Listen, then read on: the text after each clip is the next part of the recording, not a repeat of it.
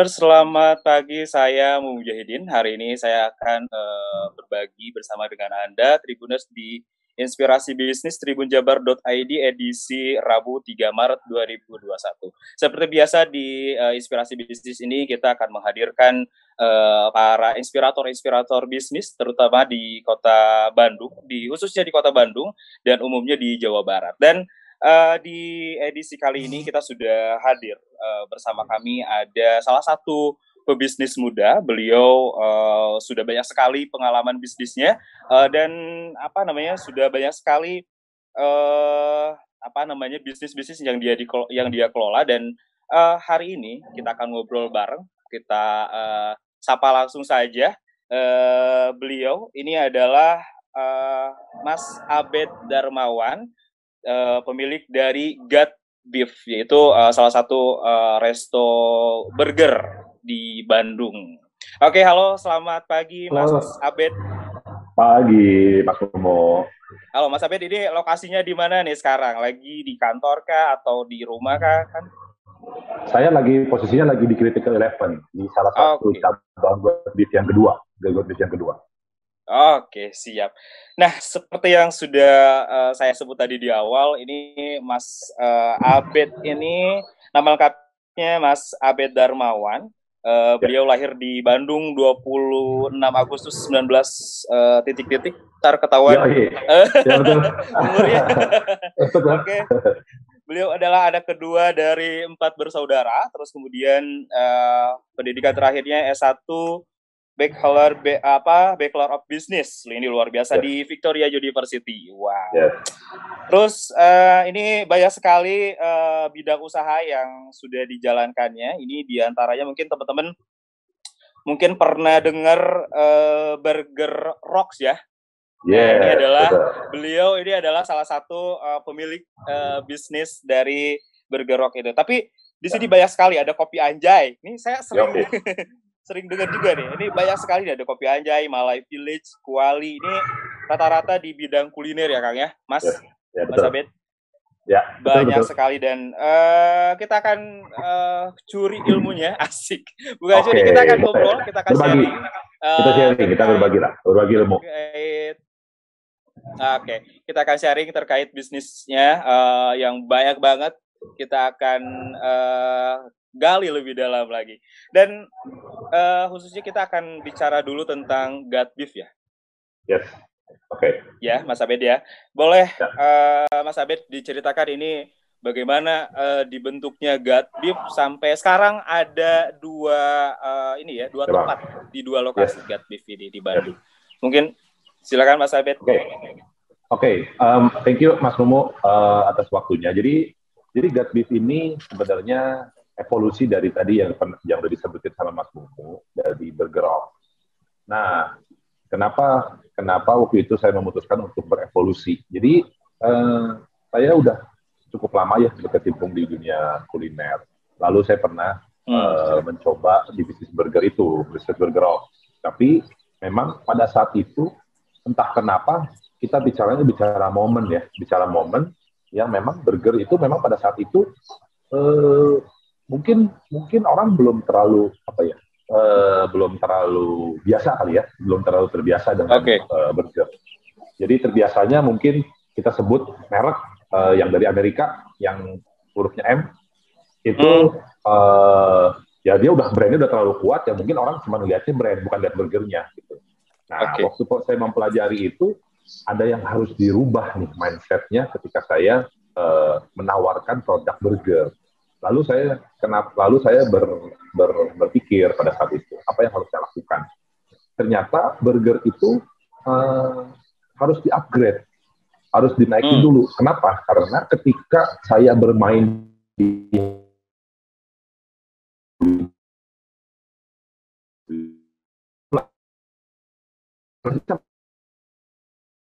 Oke. Okay. Ya, yang nah level nggak bisa dikalahin orang Indonesia tuh makan, makannya nasi gitu makannya uh, harus selalu jeng sangu lah bahasa Sundanya kan jadi kudu gitu kan. kudu disanguan gitu. Kudu disanguan benar. Jadi dari situ saya berpikir apa yang harus saya perbuat. Lalu saya naikin lah. Saya putusin untuk naikin upgrade coba hmm. uh, di uh, kita sebut di market B karena di 20 ribu sampai 30 ribu kita sebut marketnya market C. Saya coba naikin. Nah, di situ edukasinya untuk burger itu memang masih masuk. Kenapa? Mungkin, mungkin uh, di, di market B itu uh, masih ada apa ya masih ada yang mungkin uh, sering ngantor atau sering meeting sama orang luar negeri atau adaptasinya mungkin hmm. memang harusnya memang harusnya hanya ke sana dibuatlah terjadilah namanya God Beef God Beef ini saya buat dari dari bulan Desember 2019 saya udah open okay. 2019 saya buat God Beef lalu saya berpikir lagi setelah saya buat, emang saya harus melakukan apa, ya kan? Pertanyaannya kan hmm. itu setelah setelah dibuat tuh, eh, terus apa yang harus gue lakuin? Ketika saya buat itu, inspirasinya pasti harus, maksudnya harus ada inspirasinya dong. Maksudnya saya nggak bisa tiba-tiba mimpi, bangun tidur, aku ah, harus bikin ini. Jarang, jarang banget lah. ya, pasti ngelihat dulu dong yang di luar seperti apa, lalu mungkin yang paling dekat di Jakarta seperti apa, apa yang terjadi di di burger-burger yang Eh, empat puluh sampai lima puluh ribu gitu kan kita hmm. uh, pengennya ke arah sana jadi uh, saya berpikir mengadaptasi nih semua burger-burger yang ada saya adaptasi semua. Keluarlah ide di mana burger itu uh, harus berbeda ya. Harus berbeda dengan yang lainnya gitu. Harus harus apa ya? Harus punya harus punya nih value value yang lebih. Harus unik gitu ya? Betul harus unik harus unik. Hmm. kuncinya di situ. Kuncinya harus unik supaya orang tuh berpikir untuk gue coba deh. Ya dong kan orang okay. kan sekarang makan kan orang harus nyoba dulu.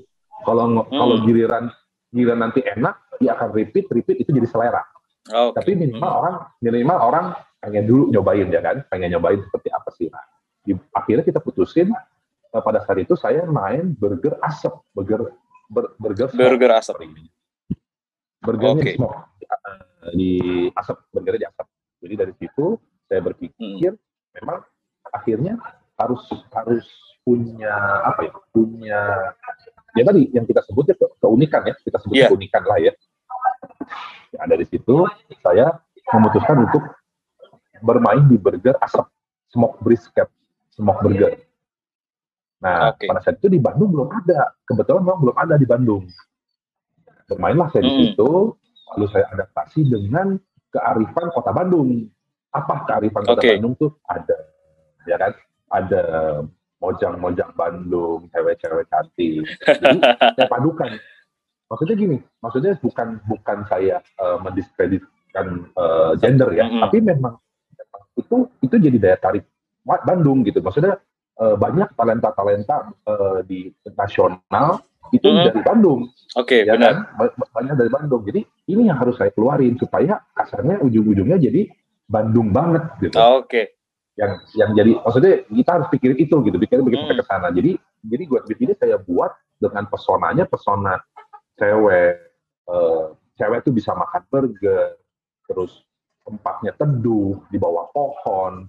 Uh, Bandung banget lah, bisa bikinnya outdoor, saya bikinnya uh, apa ya, ya kekinian, ya kan Bandung banget. Lalu dengan akhirnya pesonanya itu digambarkan oleh cewek-cewek juga bisa makan burger loh kan hmm. identiknya cewek cowok kadang cowok ya makan burger tuh identiknya gitu. Wah cowok ini makan burger ini mah kalau ini mah bisa cewek-cewek juga bisa makan burger gitu. Jadi dibuatnya seperti itu. Jadi kurang lebih gambarannya seperti itu. Jadi saya buat ini burger ini supaya merepresentasikan sesuatu sesuatu okay. ini apa? Ya tadi uh, Mojang Bandung, gitu ya. Bandung. salah satunya. Ya, akhirnya ya akhirnya mungkin ya saya cita-cita saya ya itu gitu. Gottlieb ini bisa jadi maksudnya orang tuh uh, bilang burger Bandung tuh gitu. Oh, Oke, okay, siap.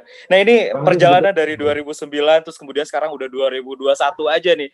Uh, bagaimana ya. nih uh, apa namanya perjalanan bisnis dari 2019 di akhir ya, ya. 2019 akhir ya. sampai sekarang 2021 uh, apakah kendalanya terus kemudian tipsnya seperti apa nih sampai uh, sekarang mau buka lagi cabang kedua di Critical Eleven seperti apa nih uh, Mas Abed? Jadi jadi waktu itu memang saya sempat uh, mempunyai kendala waktu awal-awal buka. Mempunyai hmm. kendalanya di mana? Kendalanya yaitu waktu saya mau market penetrasi. Jadi saya mau okay. masuk ke marketnya. Market hmm. yang udah mau saya pilih, ya kan? Nah, waktu saya mau masuk ke market yang mau saya pilih, saya itu memang akhirnya waktu itu memilih uh, lewat food blogger. Bukan berarti okay. salah ya, bukan berarti salah food hmm. blogger itu. Cuman ternyata nggak masuk gitu. Oke. Okay. Ternyata nggak masuk. Lalu saya masuk lewat influencer. Mm -hmm. Nah, di lewat influencer, lewat, lewat influencer ini yang ngeklik. Memang bisnis kan perlu okay. gitu ya. Iya. Yeah. Bisnis kan perlu ditun gitu ya. Biarpun saya banyak maunya, tapi kan kadang maunya itu nggak nggak ini ya, nggak. Nggak sesuai apa, ternyata enggak. Sesuai, nggak sesuai. It doesn't work gitu ya. Yes, harus harus gak kita harus gitu. harus mikirin kan otaknya. Wah, harus gini nih, harus gitu, apa segala macam. Jadi saya berpikir waktu itu lewat influencer dan it works gitu. Hmm. Jalan. Oh, Dari situ baru saya langsung gulung kayak bola salju gitu. Bola salju saya langsung panggil semua influencer-influencer. Saya perlu media juga akhirnya lewat influencer. Jadi yang diposting di media-media uh, Instagram Instagram itu ya memang akhirnya influencer-influencer yang akhirnya mengedukasi, mengedukasi siapa? Mengedukasi audiens audiens sportif yang di mana akhirnya memancing mereka gitu, memancing mereka untuk datang. Hmm. Jadi lewat infonya lewat influencer itu orang melihat eh si itu nongkrongnya di God Beef tempatnya enak kan okay. makanya makan burger wah boleh nih coba-coba sekali-kali ah makan burger nongkrong di tempat yang enak nah kurang lebih seperti itulah message-nya jadi kendalanya okay. di situ Mas Abed mm -mm. Okay. Terus, oh iya, iya. Enggak, ini kalau misalnya tadi berbicara ini apa uh, apa namanya? Tadi kan uh, melibatkan influencer. Kalau uh, food blogger tadi kurang efektif. Nah ini sebenarnya uh, apa namanya segmentasinya sendiri untuk uh, gut beef ini berarti menyasar uh, kalangan muda atau seperti apa nih spesifiknya? Ya, jadi makanya yang tadi yang uh, dibahas di awal itu memang buat burger ini harus ada di B burger ini, bukan hmm, bukan, bukan uh, di C apa ya tadi yang saya cerita tadi ya kalau di C itu memang langsung bersaing sama nasi. Hmm. ya jadi saya harus ada di B. Nah di B ini ya mungkin akhirnya view mereka mengviewnya mungkin kurang ke food blogger. Mungkin. Okay. jadi saya waktu itu beranalisa seperti itu yang akhirnya mungkin hasilnya adalah ya begitu hasil analisa saya adalah uh, yang B ini lihatnya tuh influencer. Nontonnya tuh nonton influencer influencer gitu. Jadi oh, oke. okay masuk nih gitu. Maksud jadi oh ternyata dan memang kebetulan saya marketnya B dan B ini nontonnya influencer. Ya udah saya masuk di influencer. Begitu. Hmm. oke berarti mungkin bisa di disebut ini lebih ke kalangan-kalangan anak-anak muda ya? Kalau iya. misalnya ya. influencer ini kalau hmm, oke siap. Nah ini tadi uh, itu salah satu kendalanya. Nah, ini terus kemudian menemukan cara akhirnya influencer dicocok dan ini benar-benar yang akhirnya bisa meng, apa namanya bisa mengup uh, si God Beef ini. Terus kemudian pada akhirnya uh, buka cabang kedua di ya. Critical Elephant ini gimana ceritanya? Ya, jadi memang uh, waktu pandemik ini kan selama waktu waktu buka kita baru buka dua bulan, lalu buka dua bulan itu uh, terjadilah pandemik, terjadilah hmm. uh, istilahnya kita semua mesti mesti dari rumah kerja dari rumah. Kendala saya adalah gimana caranya ini uh, sampai ini ke customer. Hmm. buatlah sedemikian rupa saya melakukan ini melakukan itu uh, akhirnya ya itu works gitu. Akhirnya works. Jadi works ini bisnis sejalan bisnis sejalan di mana akhirnya uh, sebenarnya sebenarnya apa ya? Jadi waktu sampai akhirnya jadi punya cabang kedua itu ya karena semangatnya tadi gitu. Karena udah jadi okay. bola salju nih jadi bola salju hmm. nih wah caranya udah begini tahu caranya begitu lalu ada penawaran tempat yang luar biasa ini jadi semangat yang burger pertama tadi waktu ketemu buka pertama kali gotik itu kan pengen punya tempat jadi istilahnya pengen punya tempat yang happening yang Bandung banget gitu kan oke okay. ketika ketika saya ditawarkan di Critical Eleven ini sama nih semangatnya gitu kan mau hmm. mau asalnya mau ngasih tahu nih ada tempat item baru di Bandung di sebelah landasan pesawat yang akhirnya semua orang belum punya gitu kan semua orang tidak punya gitu nah jadi akhirnya waktu itu saya ke, dari dari partner-partner saya berpikir udah kita buka lagi karena ini ikonik juga nah, akhirnya kita buka oke okay. nih Jadi salah satu uh, salah satu tipsnya nih untuk membuka cabang baru itu ya itu tadi ya tempat yang benar-benar strategis gitu. Ya, ya benar. Jadi dan unik. Strategi untuk ya strategi strategi untuk buka cabang kedua sebenarnya balik lagi kan uh, di, di di ilmu marketing itu ada ada apa uh, bicaranya bicara lokasi lokasi lokasi ya hmm. kan ada ada tiga poin yang di mana akhirnya lokasi, lokasi, lokasi. Lokasi itu menentukan. Di tiga poin itu semuanya ada, lokasi. Betul. Posisi menentukan prestasi. Juga ada kata-kata seperti itu ya. Posisi menentukan prestasi. Oh, benar, benar, benar, benar. Ya kan, ada tuh, ada istilah posisi menentukan yeah. prestasi. Nah, itu juga penting. Kenapa? Karena balik lagi, kalau orang akhirnya datang ke sini dengan segala kendala, hmm. dan orang itu tidak mau ngebelain, ya pasti nggak akan datang itu itu udah udah jadi logika manusia gitu kalau hmm. orang kira datang ke sana bung ah macet oke okay. bung ah panas bung jauh gitu ya? Embung ah uang parkir. Embung ah uang ya. kalau itu semua kalau itu semua ada uh. orang nggak akan datang. Orang udah nggak akan datang. Mau burger lu seenak apa pun nggak akan datang. Nah tapi ketika poin itu kita lengkapin akhir datangnya mungkin uh, masih tengah kota parkirnya nyaman tempatnya kasarnya apa tuh? Bahasanya instagramable ya kan? Instagramable. Mm -hmm.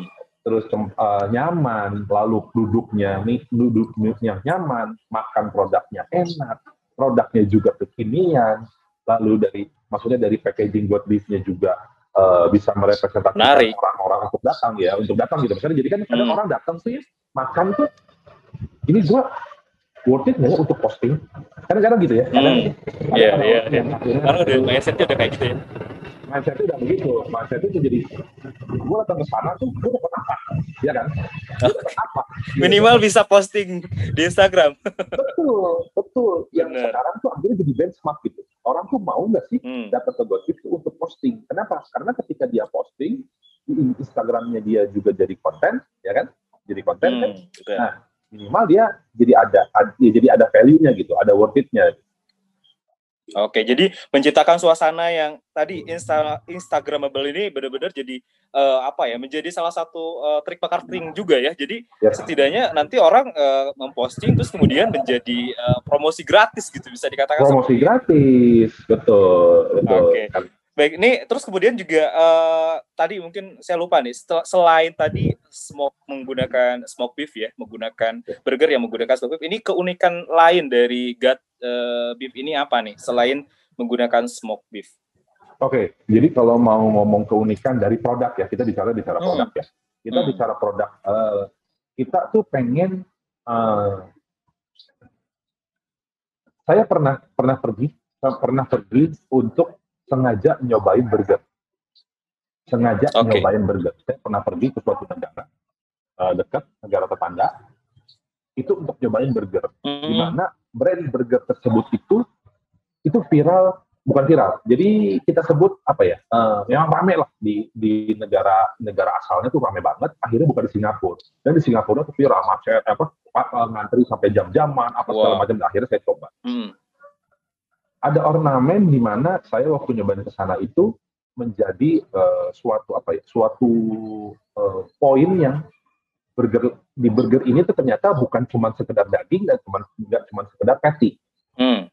Jadi nggak cuma sekedar itu. Lalu dari situ saya menganalisa. Jadi keunikannya ini adalah dari rotinya. Oke. Okay.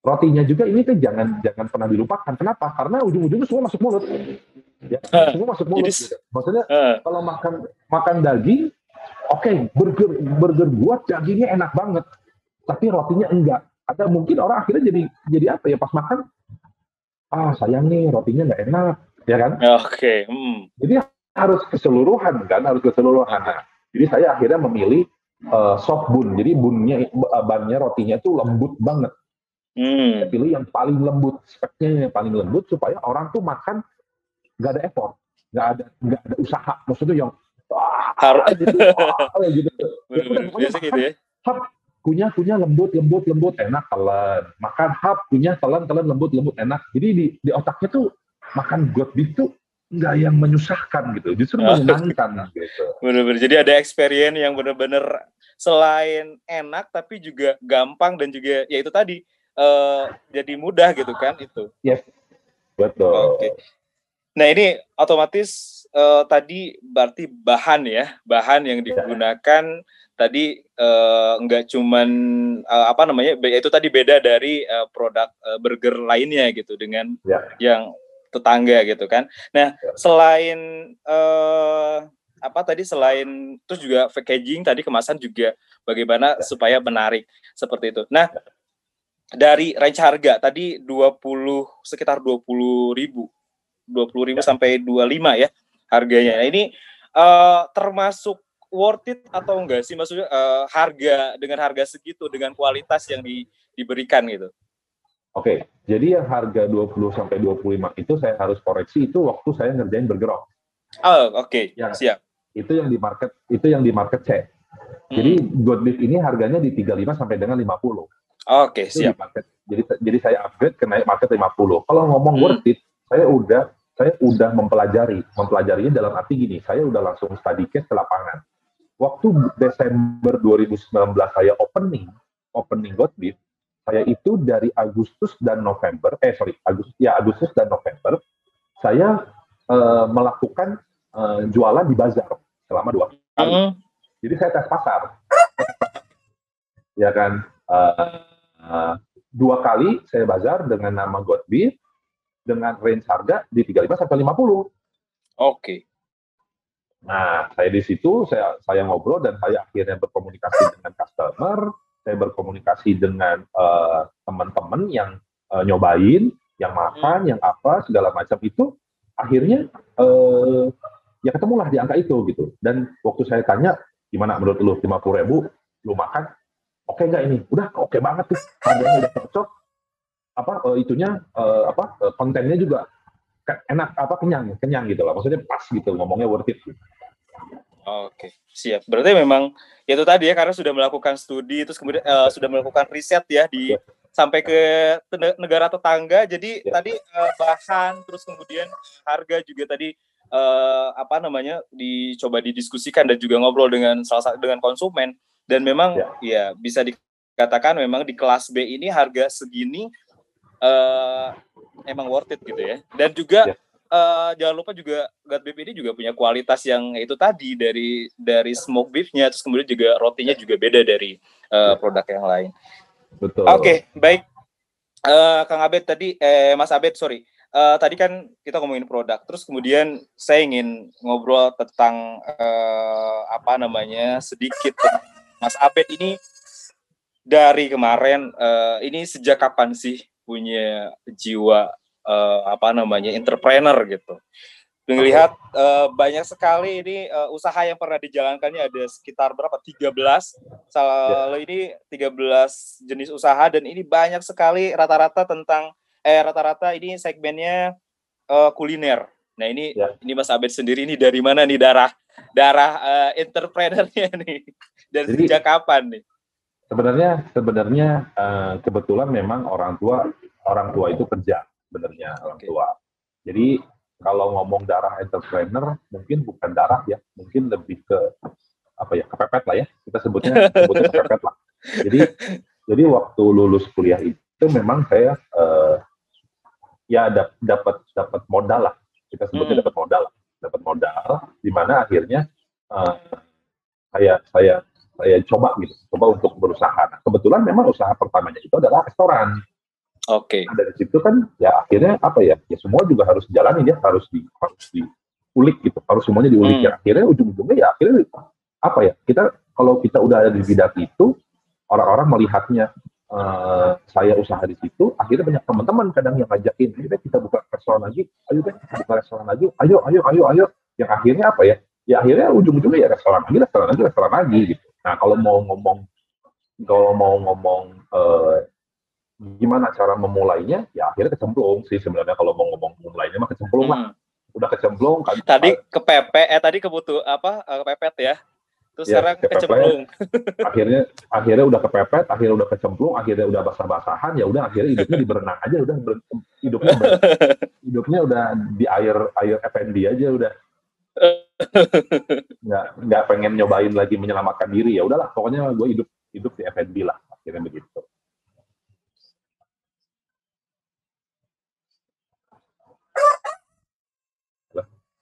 Oke, okay. baik. Jadi uh, panjang sekali, nah maksudnya. Terus kemudian dari ini apa ya? Maksudnya dari kecil memang uh, apa ya? Bermimpi untuk jadi pengusaha atau mungkin justru beda atau seperti apa nih? Oh, enggak jauh. Kalau ngomong dulu kecil cita-citanya jadi apa? Kalau zaman dulu saya ingat banget cita-citanya jadi insinyur. Insinyur itu berarti sekarang tuh apa ya? Untuk arsitek berarti ya kali ya. Cita-citanya uh. jadi arsitek. Tapi ya akhirnya memang uh, saya pernah diarahin sama orang tua di mana kalau spesifik uh, agak susah untuk untuk ber, berinovasinya gitu. Spesifik itu dalam arti gini, hmm. ya uh, kalau ngomong arsitek, kalau ngomong dokter gitu, kalau mau ngomong uh, musisi gitu ya. Kadang mungkin cuma di bidangnya bidang itu, tapi kalau belajarnya belajar bisnis, itu bisa mengelola musik, bisa mengelola arsitek, bisa mengelola semua gitu. Okay. Kita bicaranya bicara bisnis gitu. Bicaranya adalah uh, how to make money, ya kan? Akhirnya hmm. ujungnya semua orang uh, networking gitu kan. Nah, saya diarahin sama orang tua memang ke sana. Jadi dari dulu akhirnya memang nggak cita-cita jadi insinyur dan disuruh sekolahnya sekolah bisnis dan di arah-arah ini ke sana gitu di arah-arah ini untuk lu mesti bisa ke sini bet lu mesti bisa begini bet lu mesti bisa ke sana bet lu mesti gini-gini. Ya akhirnya akhir kecemplungnya ya di situ gitu. Kecemplungnya akhirnya di bisnisnya. Banyak orang nanya emang bet dulu lu sekolahnya sekolah? Set enggak justru. Tapi saya bisa menganalisa suatu makanan gitu suatu bisnis makanan saya bisa menganalisa di mana ya akhirnya itu yang saya pelajari selama bertahun-tahun gitu.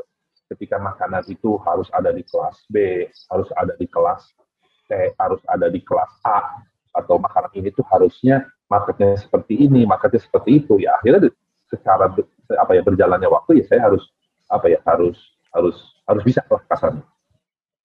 Oke, baik. Gitu. Jadi Oke, banyak sekali tadi uh, salah satunya uh, apa namanya uh, tips-tipsnya banyak sekali ketika kita membuat usaha itu tadi ada riset ya kak ya, eh mas ada ya. riset terlebih dahulu, terus kemudian juga bagaimana cara membuat produk yang uh, unik berbeda dari yang lain. Terus kemudian berbicara bisnis adalah berbicara tentang tempat. Jadi ya, apa namanya? Lokasi menentukan prestasi seperti itu. Ya. Jadi lokasi, lokasi, lokasi gitu kan. Lokasi, lokasi, Jadi lokasi, itu juga harus menciptakan lokasi yang uh, senyaman mungkin tadi uh, Mas Abed uh, apa namanya? menciptakan suasana yang sangat uh, Bandung banget terus kemudian juga sangat instagramable banget sehingga itu menjadi efek yang sangat positif. Orang datang terus kemudian juga uh, bisa mendapatkan promosi gratis. Dan juga tadi penentuan segmentasi ya, penentuan segmentasi di kelas A, B atau C dan kemudian ya.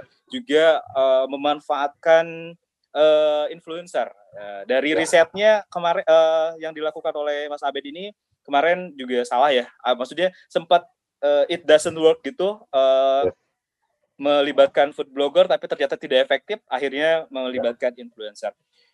Uh, Mas Abed, dalam waktu dekat ini ada project apa lagi nih uh, di apa namanya di Gut Beer atau mungkin secara pribadi akan membangun uh, apa namanya tempat-tempat baru? Ya, jadi uh, yang pasti sih kalau mau ngomong Gut Beer, memang kita arahnya uh, untuk ke depannya itu pasti bukan cabang lagi ya, kita bukan cabang hmm. lagi. Cuman memang eh, karena melihat sekarang udah banyak banget sih menjamur sekali sekarang si perburgerannya. Jadi uh, strategi berikutnya strategi berikutnya memang sekarang si burger ini eh, harus harus apa ya uh, menentukan posisi lah positioning. Jadi si God Beef ini ada di mana? Okay. God Beef ini tuh ada ada di okay. ada di suatu komunitas kah atau ada di suatu uh, market tertentu kah atau harus upgrade kah? Memang akhirnya untuk proyek ke depannya memang kita bukan uh, bukan buka cabang. Kita proyek berikutnya sebenarnya adalah hadir di masyarakat. Gitu. Hadir di masyarakat itu apa? Jadi kita akan uh, apa uh, mensupport mensupport segala macam komunitas-komunitas untuk supaya kita tuh hadir ada di hadir di komunitas-komunitas. Jadi kita ke depannya memang akan ada arahnya tuh ke event-event lah.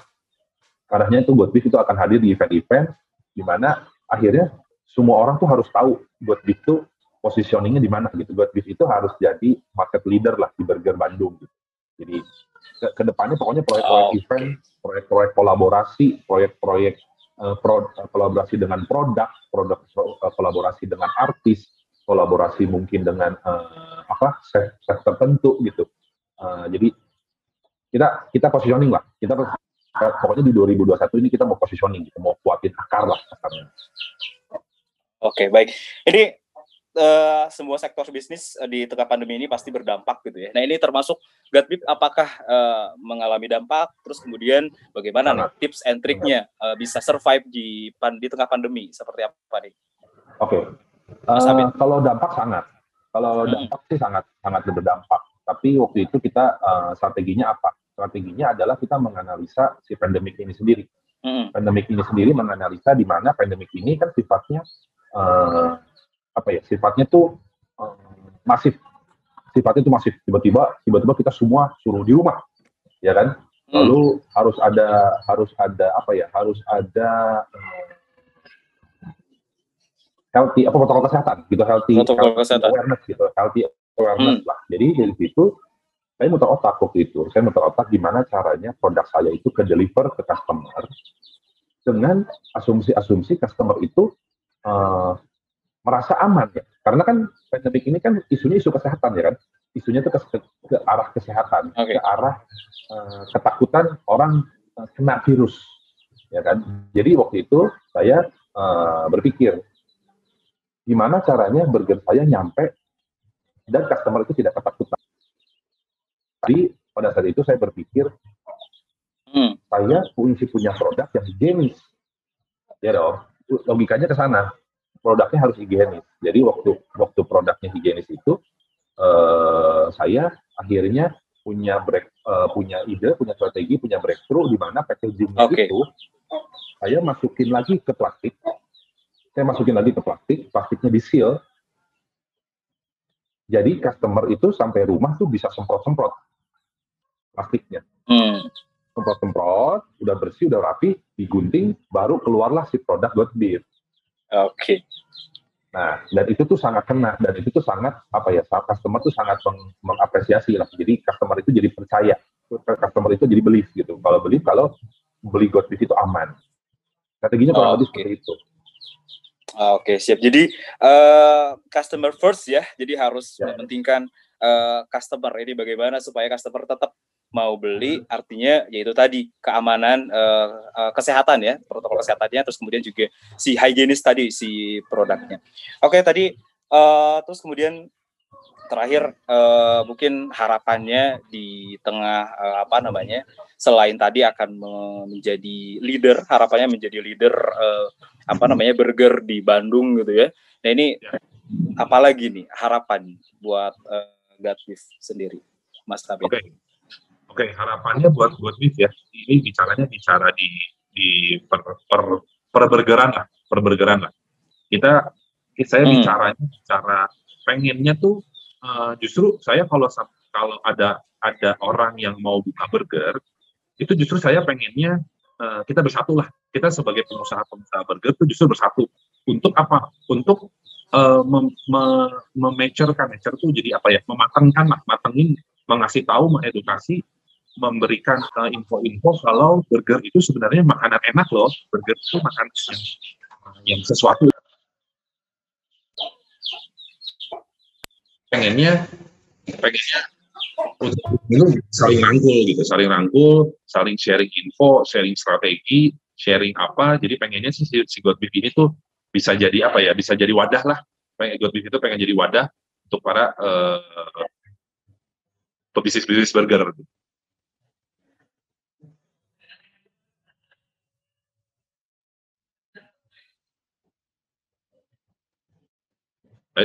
Halo? Mas Tono?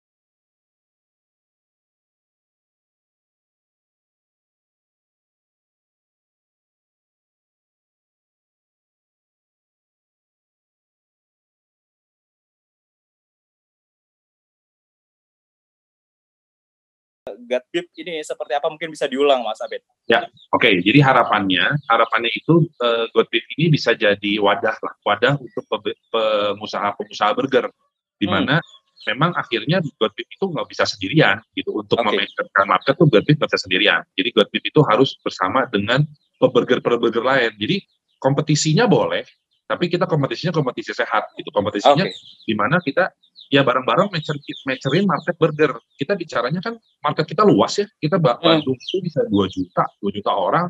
Ya kita bagi-bagi kue, kita bagi-bagi uh, market di mana akhirnya burger ini tuh mature gitu. Burger ini tuh jadi suatu tradisi gitu. Tradisi di mana mungkin mungkin tiap sore tuh harus burger gitu kan atau apa okay. harapannya burger itu bisa jadi bisa jadi apa ya wadah lah kita kita wadah untuk ya kita bisa sharing kita bisa apa kita uh, ngomongnya uh, bisa kasih info lah. Kayak kayak kayak hari ini lah kayak saat ini saya ngasih info kendala-kendalanya memulai uh, usaha burger itu apa yang akhirnya ya tadi gitu.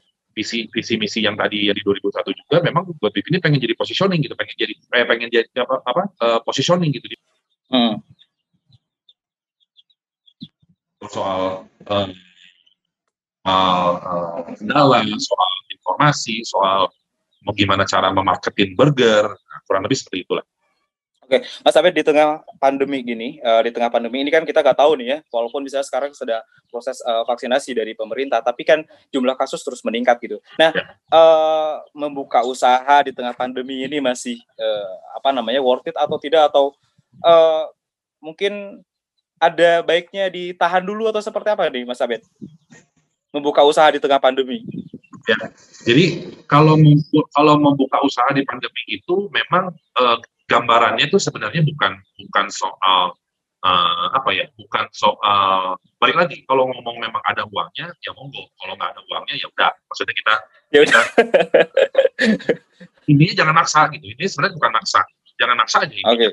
posisi sekarang posisi kayak lagi pandemi gini ya posisi jangan maksa hmm.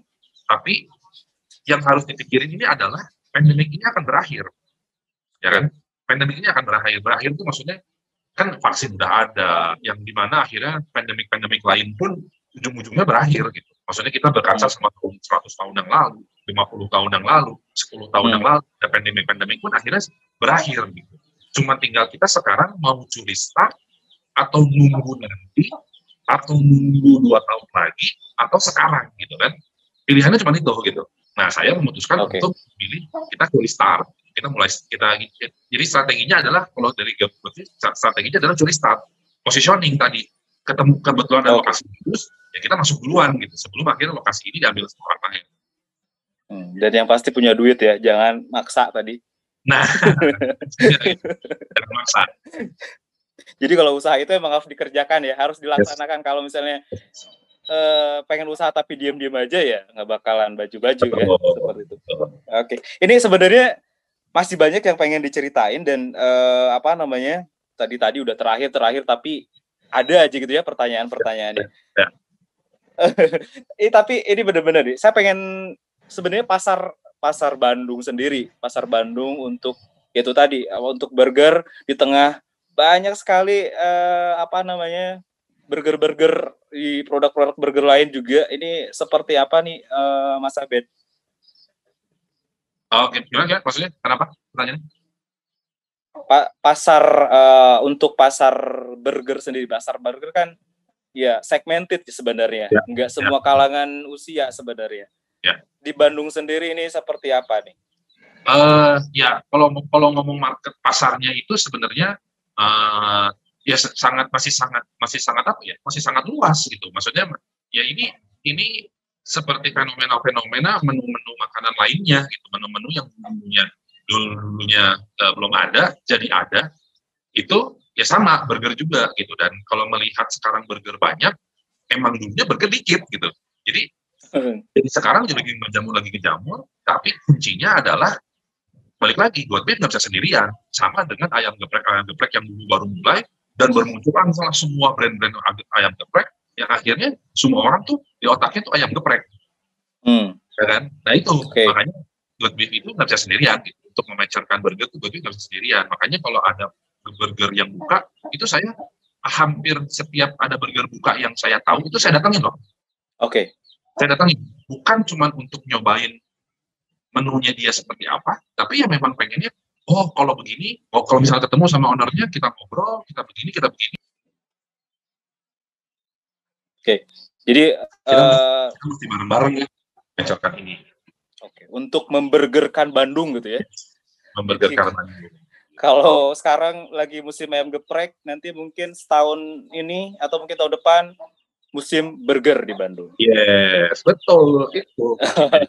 Harus seperti itu. Jadi perlu artinya perlu banyak pengusaha pengusaha-pengusaha burger seperti itu dan yes. bukan yaitu tadi bersaing sehat tapi juga yes. yaitu tadi kita butuh itu tadi mem memerjerkan apa memerjerkan uh, burger di Bandung seperti itu kali ya. Oke, okay, nampaknya uh, Mas Abed kayaknya yeah. waktu udah udah cukup uh, apa okay. namanya cukup waktu untuk uh, ngobrol tapi kayak nanti ada part 2 mungkin karena yeah. seru banget yeah. ngobrol tentang bisnis uh, bersama yeah. dengan Mas Abed mudah-mudahan apa namanya uh, Tribuners khususnya warga uh, Bandung umumnya juga warga Jawa Barat dan bisa memetik uh, apa namanya uh, tips and triknya Mas Abed bagaimana membuka usaha khususnya di bidang kuliner dan uh, lebih spesifik lagi burger terus kemudian juga uh, apa namanya bagaimana uh, apa namanya menyesuaikan atau survive di tengah pandemi tadi juga uh, disampaikan oleh Mas Abed.